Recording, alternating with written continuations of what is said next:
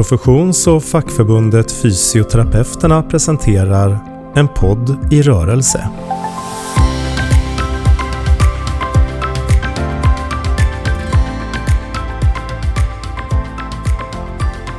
Eh, hej och välkomna till ett nytt avsnitt av Fysioterapeuternas egen podd, En podd i rörelse. Och idag ska jag prata med en kollega som var en av de tre nominerade till årets fysioterapeut som gick vidare till andra urvalet. Jag ska prata med Petra von Heideken Wågert. Varmt välkommen! Tack så jättemycket! Du var ju en av de tre nominerade som gick vidare till det andra urvalet och bara för, liksom, för den som lyssnar så har vi ett nomineringsförfarande. Eh, vi har en jury som träffas och juryn fattar beslut om vilka som man tycker är de tre eh, bästa kandidaterna och de tre kandidaterna går sedan vidare för, för djupintervju innan eh, förbundsstyrelsen fattar beslut och i år var du en av de tre. Jätteroligt. Och några av de anledningarna till, eh, till att du både att du var nominerad och till att vi tyckte du var en bra kandidat kommer vi att prata om idag. Eh, och I din nominering så lyfts din forskning som du arbetar med. Den beskrivs som innovativ och bred. Du ser till hälsa, du arbetar för hälsa och ser också till aspekter på klimatnytta. Du undervisar och forskar. Du arbetar som vetenskaplig ledare för Center för välfärdsförändring. Sa jag det rätt nu? Jajamän, kärt barn har många namn, men ja, där blev det rätt. Precis.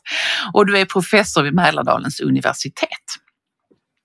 Ett stråk i din forskning är digitala hjälpmedel. Det är också en sån sak vi kommer att prata mer om och hur vi kan använda oss av digital teknik i framtiden.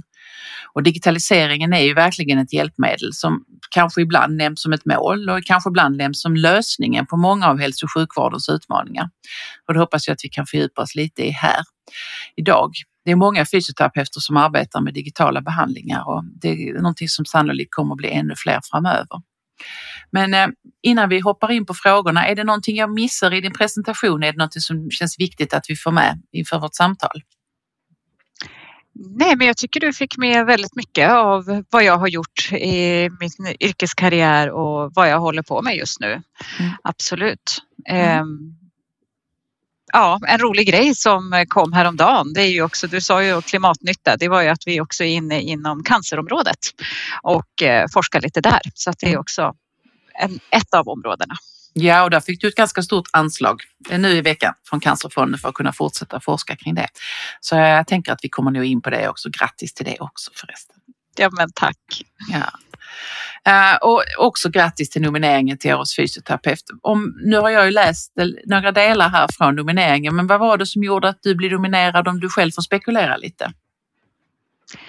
Ja, det är väl kanske att jag inte är en inom situationstecken vanlig fysioterapeut. För det var väl min första spontana reaktion så. Nej, men jag, jag är ju ingen vanlig fysioterapeut. Så det kanske är just därför, mm. tänker jag, att jag har gått en liten annan väg än vad som är det vanliga. Om det nu finns något vanligt och normalt. Jag gillar inte att använda ordet, framförallt inte normalt. Men eh, nej, men gått en annan väg. Istället för den kliniska banan har jag gått forskningsbanan Eh, och också de här ledande uppdragen jag har att det är roligt också att framhäva att vi kan, vi kan gå så många olika vägar som fysioterapeuter. Det finns så mycket vi kan göra. Så att det, var, det är kul att det uppmärksammas, tänker jag. Mm, mm. För det blir nästan den, den, direkta frågan blir vad är en vanlig fysioterapeut? Men du, du säger det ju lite i, i svaret. Ja, och jag fick ju höra mycket, nu är det ju över 20 år sedan, 23 år sedan jag gick direkt från grundutbildning till forskning. Och då var det väldigt mycket reaktioner jag fick ta emot att det kan man ju inte göra och det är väl inte att bli, ja då var det ju sjukgymnast och såklart att mm. då var ju den gängse banan att man gick och jobbade kliniskt och kom fram till de här perfekta forskningsfrågorna efter ganska många år, disputerade, kanske också när man var uppåt 50-årsåldern någonstans och hade kanske inte lika många år kvar heller som yrkesverksam när man väl hade blivit forskare. Så att eh, där känner jag att jag, jag tog chansen där att gå en annan väg mm. och det har jag absolut inte ångrat. Det passade mig i alla fall. Ja, ja. Jag, tänker på, jag tänker på att jag tror begreppet vanligare blir eh, bredare än vad det kanske var för 20 år sedan. Eh, och jag hoppas verkligen, jag brukar ibland prata om att eh, vi som profession vill inte att andra begränsar oss. Mm. Och då ska inte vi heller vara de som begränsar oss och vad vi kan göra för någonting. För att vara fysioterapeut är ju då ett, ett annat yrke. Och ett Verkligen. betydligt bredare yrke. Och det finns precis som du säger att våra kompetenser kan användas på så många olika sätt. Absolut. Du har, men, uh, vad sa du, 23 år, det är många års forskning. Uh, du har, det har verkligen varit många olika saker som du har arbetat med. Men berätta lite, vad har varit, vad har varit viktigast för dig eller vad har betytt mest för dig kanske både i din karriär och personligen? Ja, det är svårt att välja ut såna här höjdpunkter och vad som har betytt mest, men någonstans känner väl jag att när man får göra de här projekten som verkligen kommer till nytta, där man kan se en direkt nytta, de ligger ju mig i alla fall varmast om hjärtat. Mm. Ökad kunskap i all ära, eh, det var så jag började, att vi ökade kunskapen om de riktigt gamla i samhället. Eh, mer en kartläggning och det behövs ju också. Men just de här konkreta projekten när man får möta deltagare och få se i deras ögon vad den här interventionen betyder för dem. Det är något alldeles, alldeles extra. Mm, mm. Vi har utvecklat en app mot ensamhet till exempel, fikarummet och att få höra de här beskrivningarna. Eh, man blir alldeles varm om hjärtat och lite tårögd som jag är lagd att blir väldigt lätt så är det ju helt fantastiskt när man ser det här vad det betyder och livlinan pratar de om att den här appen var under pandemin till exempel. Mm. Och då är det ju betydelsefullt, verkligen, när man får göra, det är viktigt på riktigt. Ja, såklart. Men du, fikarummet, vad är det för någonting? Vi utvecklade en app mot ensamhet och social isolering, alltså då för social interaktion. Mm. Ehm, vi gjorde studier som visade ja, vi undersökte då vad som var viktigt för ett långvarigt och självständigt liv hos massor med olika målgrupper. Både äldre själva, anhöriga, personal, både inom socialtjänst, hälso och sjukvård och även beslutsfattare, politiker var med. Och då kom man fram till väldigt mycket att få bestämma själv. Mm. Självständigheten och att få styra sin vardag själv. Och man kom också fram till att just ensamhet var ett jätte, jättestort problem och att hälso och välfärdsteknik kunde underlätta om den var anpassad till målgruppen. Mm. Så de aspekterna utgick vi ifrån och då utvecklade det här ett digitalt fikarum där man möts online. Olika personer som kanske aldrig har träffats förut. Det är så vi hoppas att det blir på ett sätt och att det också blir ett mötesplats för de som har träffats förut. Att man kan mötas i fikarummet. Mm. Mycket metaforer mot alltså sin arbetsplats. När man går ut i fikarummet, slår sig ner, pratar om allt mellan himmel och jord, ibland djupa samtal och ibland lite mer ytligt. Men man går ut där och ser vilka som sitter och vad man pratar om och så utvecklar det sig på det sättet. Så mm. det är det vi utgått ifrån då. Mm. Mm. När, när jag tittar lite grann på ditt, på ditt CV och liksom den forskning du har gjort, kan, kan du, det, det har ju varit lite olika saker tänker jag. Kan du säga att det liksom finns, um, finns det några stråk som går igenom och som följer dig um, i det du har gjort? Äldres hälsa mm. är väl det som är det allra starkaste och jag vill ju identifiera mig verkligen som äldreforskare. Absolut. Mm. Så började jag och så har jag fortsatt väldigt mycket att det är äldres hälsa. Men i äldres hälsa är det ju också att förebygga ålderdomen och det behöver man göra tidigare i livet. Mm. Till exempel det här projektet med cancerbehandling. Det är många äldre som drabbas av cancer men också många yngre. Mm. Och där tittar vi då på hur man ska minska stillasittandet hos personer som genomgår cancerbehandling. Så att stillasittande har också blivit som ett forskningsprogram för oss eh, här på Mälardalens universitet. Att vi har många olika projekt i olika målgrupper för just stillasittande. Mm. Men något annat, ja hälso och välfärdsteknik då såklart eh, med utvecklingen av appen och det är mycket av det intresset jag har också. Men sen också den tvärvetenskapliga forskningen brinner jag för mm. enormt mycket. Mm. Ehm, jag har egentligen alla projekt jag varit inne i så är det tvärvetenskap på olika sätt, olika yrkeskategorier så att man kan se saker från olika håll. Så det är också någonting som är väldigt starkt återkommande. Mm, mm, mm. Ja, jag tänker när vi, ska, när vi pratar om komplexa problem så är det svårt att bara, även om fysioterapeuter är bra, så det behövs liksom fler kompetenser för att vi ska kunna göra det på, på bästa sätt. Absolut, just när det kommer till tillämpningen. Sen mm. behövs ju all specifik kunskap mm. också. Mm. Den ämnesfördjupade kunskapen är jätte, jätteviktig men själv har jag inte rört mig lika mycket där utan mer på det applicerade, tillämpade och tvärvetenskapliga. Ja, ja, ja. Spännande. Men jag funderar på en annan sak, det här projektet som du nu fick medel för i veckan från Cancerfonden, att ni fokuserar på stillasittande. Är det Eh, för mitt huvud så tänker jag att fysisk aktivitet är det som vi oftast fokuserar på och det är inte riktigt lika ofta fokus på att bryta stillasittandet. Stämmer det eller är det bara jag som har otillräcklig kunskap? Nej men så är det absolut. Vi fysioterapeuter fokuserar ju ofta, precis som du säger, på fysisk aktivitet, på fysisk träning. Men här ser vi också, det har man ju sett mer och mer nu de senaste, ja, kanske tio åren någonstans, att hur farligt det är att sitta still. Mm. Och här har vi ju en grupp då, personer som genomgår cancerbehandling som kanske inte kan vara så fysiskt aktiva. Vi har jättefina studier, Fyskan till exempel, som har visat hur viktigt det är med fysisk aktivitet. Men att säga till personer som genomgår den här behandlingen att du måste vara fysiskt aktiv, mm. det kanske inte är det lättaste. Så att kokar man ner det, när mina barn frågar liksom, vad, vad är det det handlar om? Ja, sitt bara inte still. Mm. Någonstans är det det att bara och då blir det ju såklart att ersätta stillasittandet med någon slags fysisk aktivitet. Men det är viktigt att komma ihåg att det är olika fenomen. Mm, mm. Och här har vi svårt, när vi har gjort intervjustudier i olika grupper, så är det svårt att få personer att prata om stillasittande utan att prata om fysisk aktivitet. Eh, så det är klart att de Ibland är det två sidor av samma mynt, men det kan också faktiskt vara olika saker. Ja. Så det, ja, det är komplext och här går forskningen framåt och där försöker vi bidra till det och mejsla ut lite mer om det här stillasittandet. Hur, hur komplext det faktiskt är och vad man kan göra för att minska det. Mm, mm. Ja, spännande. Men jag sa i början där att du var, nu ska vi se här, du är vetenskaplig ledare eh, för Center för välfärdsförändring. Vad är det för någonting? Du är chef där förstår jag.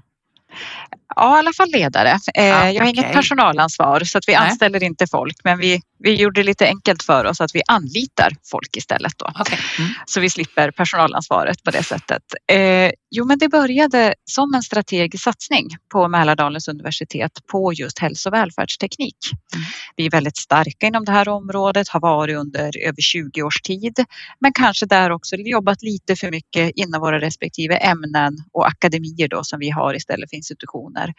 Så här ville man ja, ta det här, den här satsningen vidare och vi blev universitet, fick mer medel och man ville satsa på bra saker. Så att jag är ju otroligt tacksam att det här varit en av de bra sakerna man ville satsa på. Så att först var jag ledare för den satsningen och jobbade fram det här förslaget då till att starta det här centret som nu, om man säger föddes då i april 2023. Så att just nu håller vi på att bygga upp det här centret och det är ju att vi ska mobilisera den samlade kunskapen för att driva på den förändring som krävs för en hållbar välfärd, men då baserat på hälso och välfärdsteknikens möjligheter. För någonstans måste även vi begränsa oss. Vi kan mm. inte börja bygga nya järnvägar och greppa över hela välfärden, men just med hälso och välfärdsteknik, inte bara att utveckla prylar, det kan ingå också, men många ute i verksamheterna säger att vi behöver inte fler prylar. Vi behöver implementera dem. Vi behöver lära oss att föra in dem i våra verksamheter och stöd där. Så att här jobbar vi inom akademin tillsammans med näringslivet, offentlig sektor såklart, ehm, våra huvudpartners just nu och civilsamhället i att tillsammans försöka lösa de här utmaningarna, för det är ju gigantiska utmaningar vi står inför idag. Mm. Och att kunna jobba på ett nytt sätt. Vi måste förändra hur vi jobbar. Mm. Och det försöker vi lösa i och med en neutral arena där vi kan mötas och prata med varandra och diskutera de här utmaningarna. Mm. Spännande. Du, hälso och välfärdsteknik, hur definierar man det eller hur avgränsar man det och vad är det för något? Ja, här finns det lite olika definitioner och framförallt finns det definitioner på välfärdsteknik, eh, ja. vilket Socialstyrelsen och SKR använder. Men vi vill bredda det lite till just hälso och välfärdsteknik, för vi har väldigt fin forskning också inom medicin och hälsoteknik hos oss. Mm. Och här Ja, det är digitala interventioner. Nu har jag inte helt utan till i huvudet, men som ska stötta då säger, patient, klient, brukare. Mm. Men även underlätta för personalen. Och där skiljer vi oss åt lite grann i vår definition. Att vi också vill hitta nya arbetssätt här. För att jag vet för några år sedan, då var det några som ville, hade en utmaning att plocka upp tvätt eh, och ville, kan inte utveckla en robot för att plocka upp tvätt åt oss? Nej, men det tyckte ingen var tillräckligt eh, spännande produkt så att det blev ingenting. Nej. Men här känner jag, tänk vilken tid man kan frigöra för personalen om de slipper stå och plocka upp tvätt mm. till exempel. För det är ju hela pusslet, allt hänger ju ihop. Ja. Mm. Ja, det, eh, vad, vad, så det ni håller på med nu det är att ni håller på liksom att sätta era nätverk och, och göra en, en vägplan framåt eller? Ja, dels att sätta processer, rutiner för hur centret ska arbeta. Men vi har också fyra, eller ja, det har nog utökats till åtta tror jag, pilotprojekt eh, i, hos våra fyra huvudpartners än så länge. Så att där håller vi på och verkligen learning by doing. Utan att när vi bygger upp de här piloterna, pilotprojekten och startar igång dem så samtidigt så lär vi oss hur processerna ska se ut. Så att vi har redan projekt på gång för att här står ju verksamheterna som sagt i jätteutmaningar och vill ha vår hjälp och det vi möter väldigt mycket också att när man har mött universitet förut så kanske det har varit att det tar tid med forskningen och det blir lite fluffigt och man får inga konkreta outputs. Så där försöker vi att nu ska vi göra. Mm. Vi gör och vi hjälper till, vi stöttar i processer, vi leder workshops för att komma fram till vad kan tänka, vad, vad skulle utfallet av den här satsningen vara till exempel och att konkret hjälp verkligen. Mm. Så att vi ja, jobbar väl på alla nivåer samtidigt faktiskt. Vi har sagt hela tiden att tåget flåsar oss i nacken samtidigt som vi både hugger ner träden och lägger rälsen ungefär. Men ja. eh, otroligt spännande att få också göra den här resan, att lära sig mer av att göra. Ja, ja. Jättespännande. Det ska bli spännande att följa ett arbete. Du var, du var inne lite grann på det här innan, den karriär du har valt eller den väg du har valt för din karriär. Så forska är ju verkligen en karriärväg för fysioterapeuter. Men jag är lite nyfiken på, på, på dig och hur tänker du kring karriär och vad har varit viktigt för dig under din yrkesresa? Ja, för mig har det varit väldigt mycket att ta vara på de chanser som har getts. Eh, att våga tacka ja, våga testa. Vad är det värsta som kan hända? Eh, sen har väl mina chanser kommit kanske lite för tätt tycker jag ibland. Jag hinner liksom inte riktigt hämta andan. Jag var professor en månad och sen fick jag det här erbjudandet att leda den här satsningen. Eh, ja, men det är klart, jag måste ju testa tänkte jag. Så att, mm. nej, men det har nog varit väldigt mycket den här nyfikenheten, viljan att gå vidare och visst skulle det vara skönt. Jag sa som doktorand, sätt mig bara i kassan på en mataffär, men jag vet ju att där skulle jag inte trivas särskilt många timmar. Men eh, det här utvecklande, spännande, nyfikenheten har drivit mig väldigt mycket och som sagt testa. Det är väl det bästa medskicket egentligen med, mm. med karriär man, man, det är svårt att planera. Det är svårt att lägga den där tioårsplanen och så håller man sig till den till punkt och pricka. Eh, utan saker händer och då måste man vara följsam och följa med där. Och, och även om man inte får chanserna så kan man också facilitera dem genom att ta kontakt med personer och hålla sig framme för att visa att man finns. För då brukar chanserna också komma. Mm, mm. Mm.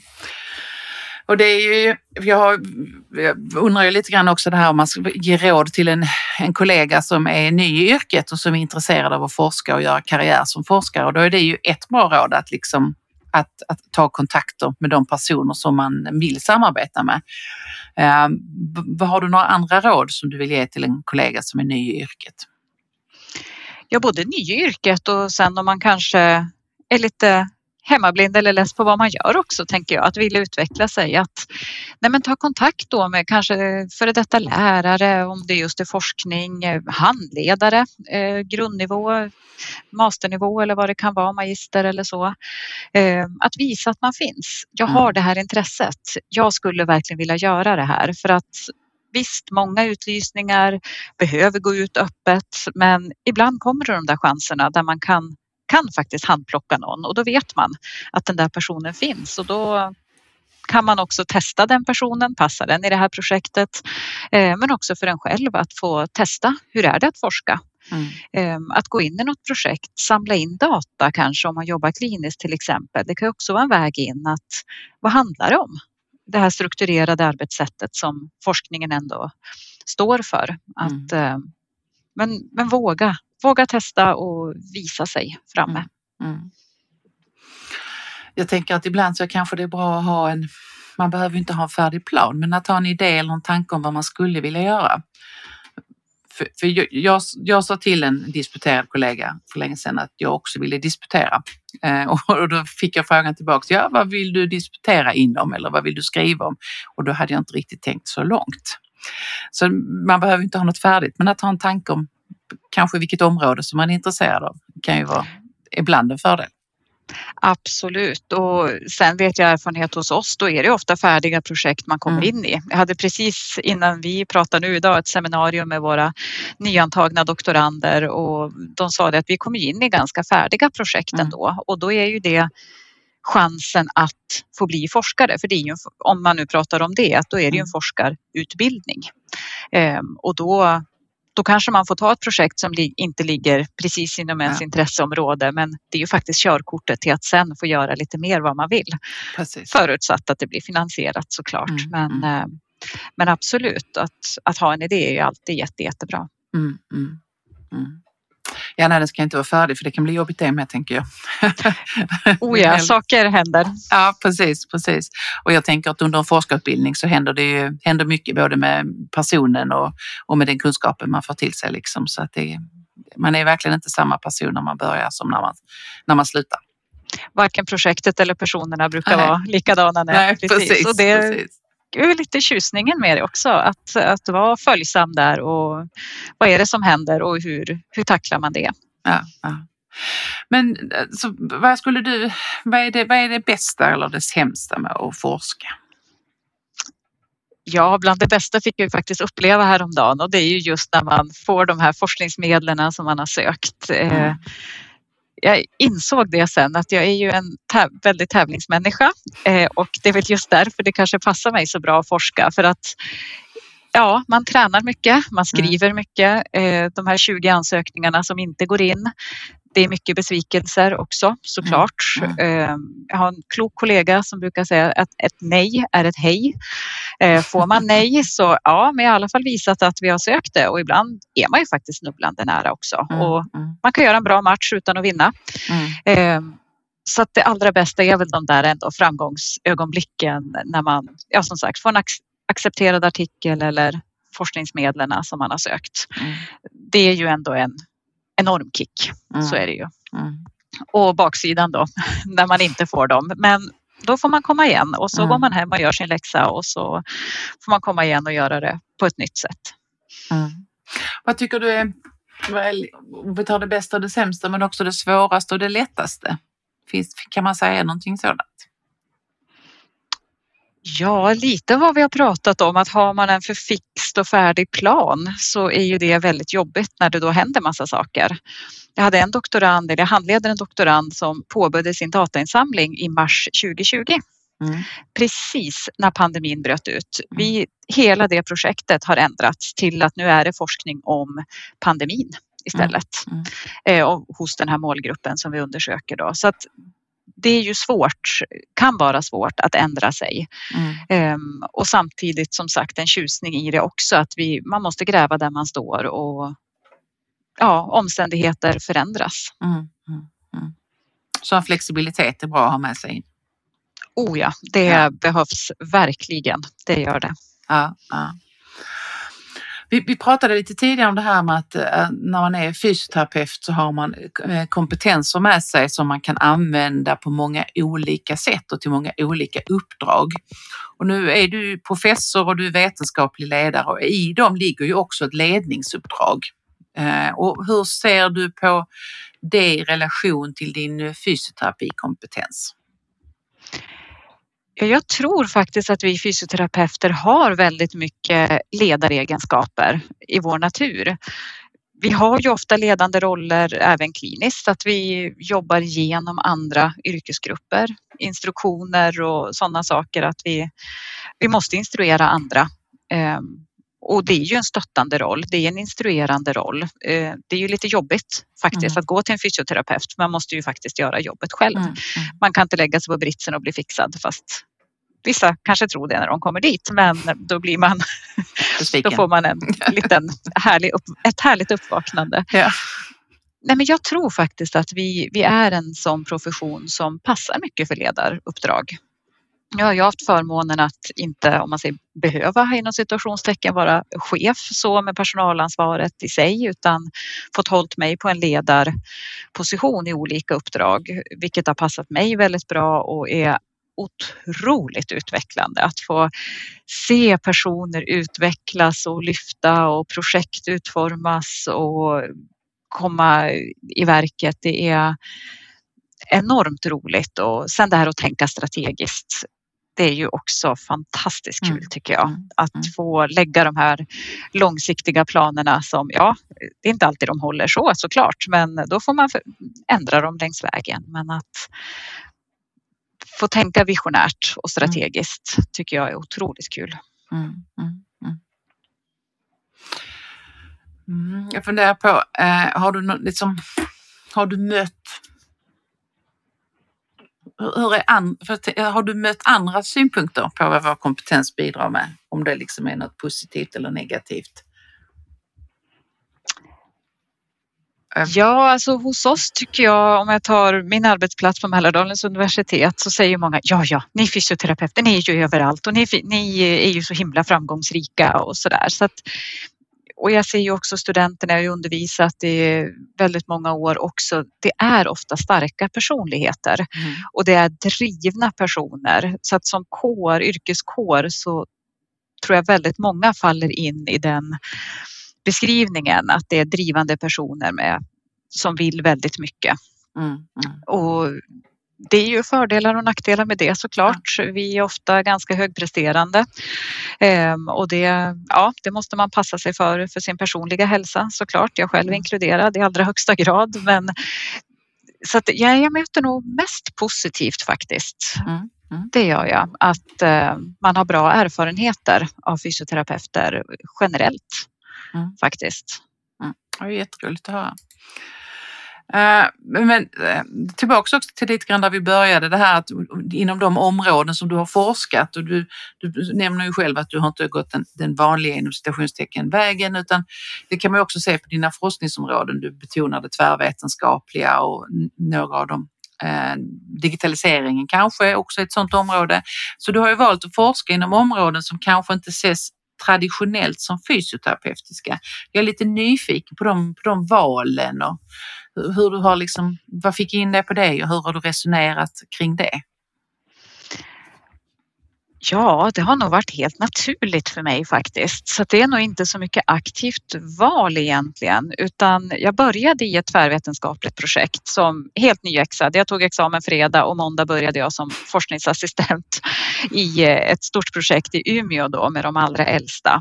Och det mm. var helt naturligt att, att vi vi var olika yrkeskategorier som jobbade tillsammans och där tittade vi då på de allra äldsta utifrån olika perspektiv. Alla gjorde sin del som bidrog till det här pusslet. Och mm. Något seminarium vi hade tidigt vet jag, då vissa jobbade då med djupintervjuer och känsla av sammanhang, bland annat KASAM eh, och pratade med de äldre om det. Och sen när vi började prata så såg de att nej men ett Sharestand-test kan ju vara alltså, vad det kan bidra till den här kassammen. Någonstans såg de då kopplingen mellan fysisk förmåga som kan ses ganska objektivt och mätbart så, men att det var ju samma person som faktiskt också hade en väldigt hög känsla av sammanhang. Så att hur det kan ge sådana synergieffekter mm. såg jag redan när jag då gick min forskarutbildning och innan mm. dess. Så att för mig har det inte varit ett aktivt val utan det har varit naturligt. Mm. Det är de sammanhangen jag har rört mig och här har vi tvärvetenskapliga forskargrupper och oftast har jag varit ensam fysioterapeut och då bidrar jag med det och de andra bidrar med sitt och tillsammans så kommer vi vidare. Mm. Mm. Så att, otroligt givande och det här kan man ju applicera då till teamarbete på en klinik såklart, att hur vi behöver varandra. Och, ja, ja, en naturlig del. Jag gjorde, också, jag gjorde min doktorandtid i en tvärvetenskaplig forskningsmiljö och det var väldigt lärorikt. Både liksom att, för att förstå den egna professionen men också för att förstå andra professioner och deras kompetens. Absolut, det är det här precis där, där man möts och man kan se att just den här aha-upplevelsen, mm. hur, hur det kombineras ihop, mm. eh, tycker jag är otroligt givande. Mm. Jag sitter och funderar, vi kanske ska sluta prata om traditionella forskningsområden för fysioterapeuter? Kanske. Mm. Eh, mycket har ju hänt under de här åren. Jag, kom, jag minns ju själv när jag, jag tror jag hade börjat med forskarutbildning när vi blev hundra disputerade sjukgymnaster i Sverige. Mm. Och jag har inte en siffra nu men det har ju ökat. Vi är över 500. Ja. Mm. Se där, det är ju mm. otroligt och vi kanske har de här grundkompetenserna ordentligt. Det är klart att vi måste fortsätta inom vårt ämne också, men hur vi också kan bidra till andra att kliva fram eh, där, det tror jag är jätteviktigt. Mm, mm. Ja, det blir en utmaning som vi tar med oss att sluta prata om vanliga fysioterapeuter och att sluta prata om traditionella forskningsfält för fysioterapeuter. Ja, istället det här breda yrket genom hela livet brukar jag alltid säga. Det är precis det det är för mig. Ja, ja precis. Ja, det börjar bli dags att avrunda lite. Är, är det någonting som du känner att jag inte har eh, frågat om som du gärna vill berätta lite mer om? Jag tror inte det. Jag tycker vi har varit inne på många olika saker. Det vi kanske inte har pratat om, men det är också en sak som är naturlig för mig. Det är det här med beteendeförändring och beteendemedicin som vi jobbar väldigt mycket med på Mälardalens mm. universitet. Mm eh, som också är en, tycker jag, en naturlig del av vår profession. Hur vi behöver den kompetensen för att det har vi märkt väldigt mycket att man, man kommer in när man får veta vad det är när man är kliniskt verksam, kommer in och får lära, kommer in, men kanske går en kurs i beteendemedicin. Mm. Ja, men jag jobbar ju redan så här, jag gör mm. ju redan det här. Mm. Ja, för att det är så naturligt. Mm. Men här hjälper vi till med strukturen, med teorierna, med orden för det ehm, och att man får hitta de här olika strategierna, att det inte bara blir ett latent vetande, alltså någonting som bara finns med naturligt utan att det blir mm. någonting man kan strukturera och uttrycka att mm. man gör. Mm. För det ser ju vi i många artiklar och sådär när man tittar efter beteendemedicinska interventioner man uttrycker inte på det sättet utan man får leta i vad är det de har gjort då. Mm. Ehm, och att, men jag tror det är viktigt att lyfta fram så att man blir medveten om vad man gör och det är väl en del av kanske den professionsspecifika forskningen att verkligen kunna sätta ord. Ja, men här jobbar jag med beteendeförändringsstrategier för den här mm. personen mm. och att det är naturligt naturligt att kanske skatta vissa saker och att prata om vissa saker med sina patienter. Eh, men även lägga in då i forskningsprojekt såklart. Men att mm. ja, lyfta upp det tror jag är väldigt viktigt för det är något det är något vi alla gör och det är något vi alla jobbar med och olika strategier för att bibehålla beteenden och till exempel att hålla sig fysiskt aktiv eller vad det nu kan handla om eller förändra matvanor eller så. Mm. Men hur mycket det kan hjälpa att få sätta ord på det. Mm, mm. Ja, det tror jag är superviktigt att medvetandegöra att nu, det är detta jag gör nu. Precis. Och att liksom kunna mm, ja, reflektera kring det. Ja, mm. för det, det är lättare att reflektera kring det som är nedskrivet och explicit på något mm, vis mm. och att det är ingenting bara fluffet jag gör på sidan av för att få det att funka. Nej, det här är en del mm. av min intervention och det är mm. medvetet och det är strukturerat och det är en del av behandlingspaketet om man säger. Ja, ja. Här kan man ju dra paralleller till det personcentrerade arbetet också. Oh ja, det är ju också väldigt lika. För det är också ett område där, vi, där när, man, när man pratar med kollegor så, så säger vi ju att vi arbetar personcentrerat och det är jag helt övertygad om att vi gör också. Men ibland behöver man liksom se på de teoretiska ramverken och begreppen för att liksom medvetandegöra att det verkligen är detta jag gör. Ja, det är väl det forskningen också kan hjälpa till med att liksom nörda ner sig i de här sakerna som är så naturliga. Mm. Men att få just det här att sätta orden på det. Mm. Mm.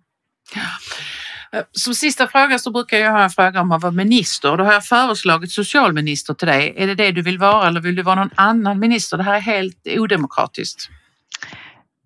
Får man vara en kombination av flera, tänker jag då. ja, men det är väl självklart att du får. Så vilken sorts minister vill du vara?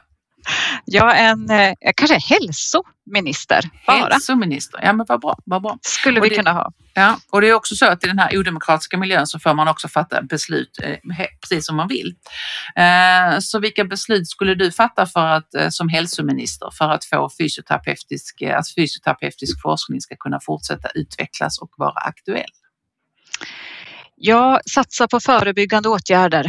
Ehm, jag tror vi sa på fysioterapikonferensen här, undrar om det var Jakob Forssmed som sa det, att 3 av hälso och sjukvårdens resurser används till förebyggande insatser. Och jag har sett siffror på att upp till 80% av hälso och sjukvårdens resurser används till att behandla sjukdomar som skulle kunna ha förebyggts. Mm. Vi måste vända på det här. Vi måste jobba mer hälsofrämjande och förebyggande vi har inget val, tänker jag nu, när vi står inför de utmaningar vi gör med befolkningsutvecklingen. Så mer förebyggande insatser och där ingår det också för mig som en naturlig del med digitaliseringen. Och ja, då har vi ungefär 15 myndigheter som jobbar med digitaliseringsfrågan i offentlig mm. sektor. Eh, så där skulle jag vilja samla ihop dem också då eh, så att vi kan få en kraft att vi kan skynda på den här utvecklingen. Jag såg civilministern sa det senast igår också att vi, vi måste verkligen skynda på den här utvecklingen eh, för att underlätta. Jag såg min mm. egen hemmaregion nu så kan man äntligen nu få digital post istället för kuverten. Bort bara där, en utgift med mm. porton. Mm. Mm. Det borde vara så självklart idag eh, och tack och lov att det kommer. Men det behöver ju ge stöd till det här så att vi kan utvecklas som vi vill. Mm. Ja, men det låter bra. Så mer pengar till förebyggande och hälsofrämjande arbete och färre myndigheter som jobbar med digitalisering. I alla fall samordna dem. Det kan behövas olika, men ja. i alla fall samordna så vi får fart. Ja, ja, men det låter bra. Det låter som en strålande framtid. Uh, tack så hemskt mycket Petra för att jag fick möjlighet att prata med dig idag. Tack själv, jättetrevligt samtal. En podd i rörelse presenterades av Fysioterapeuterna.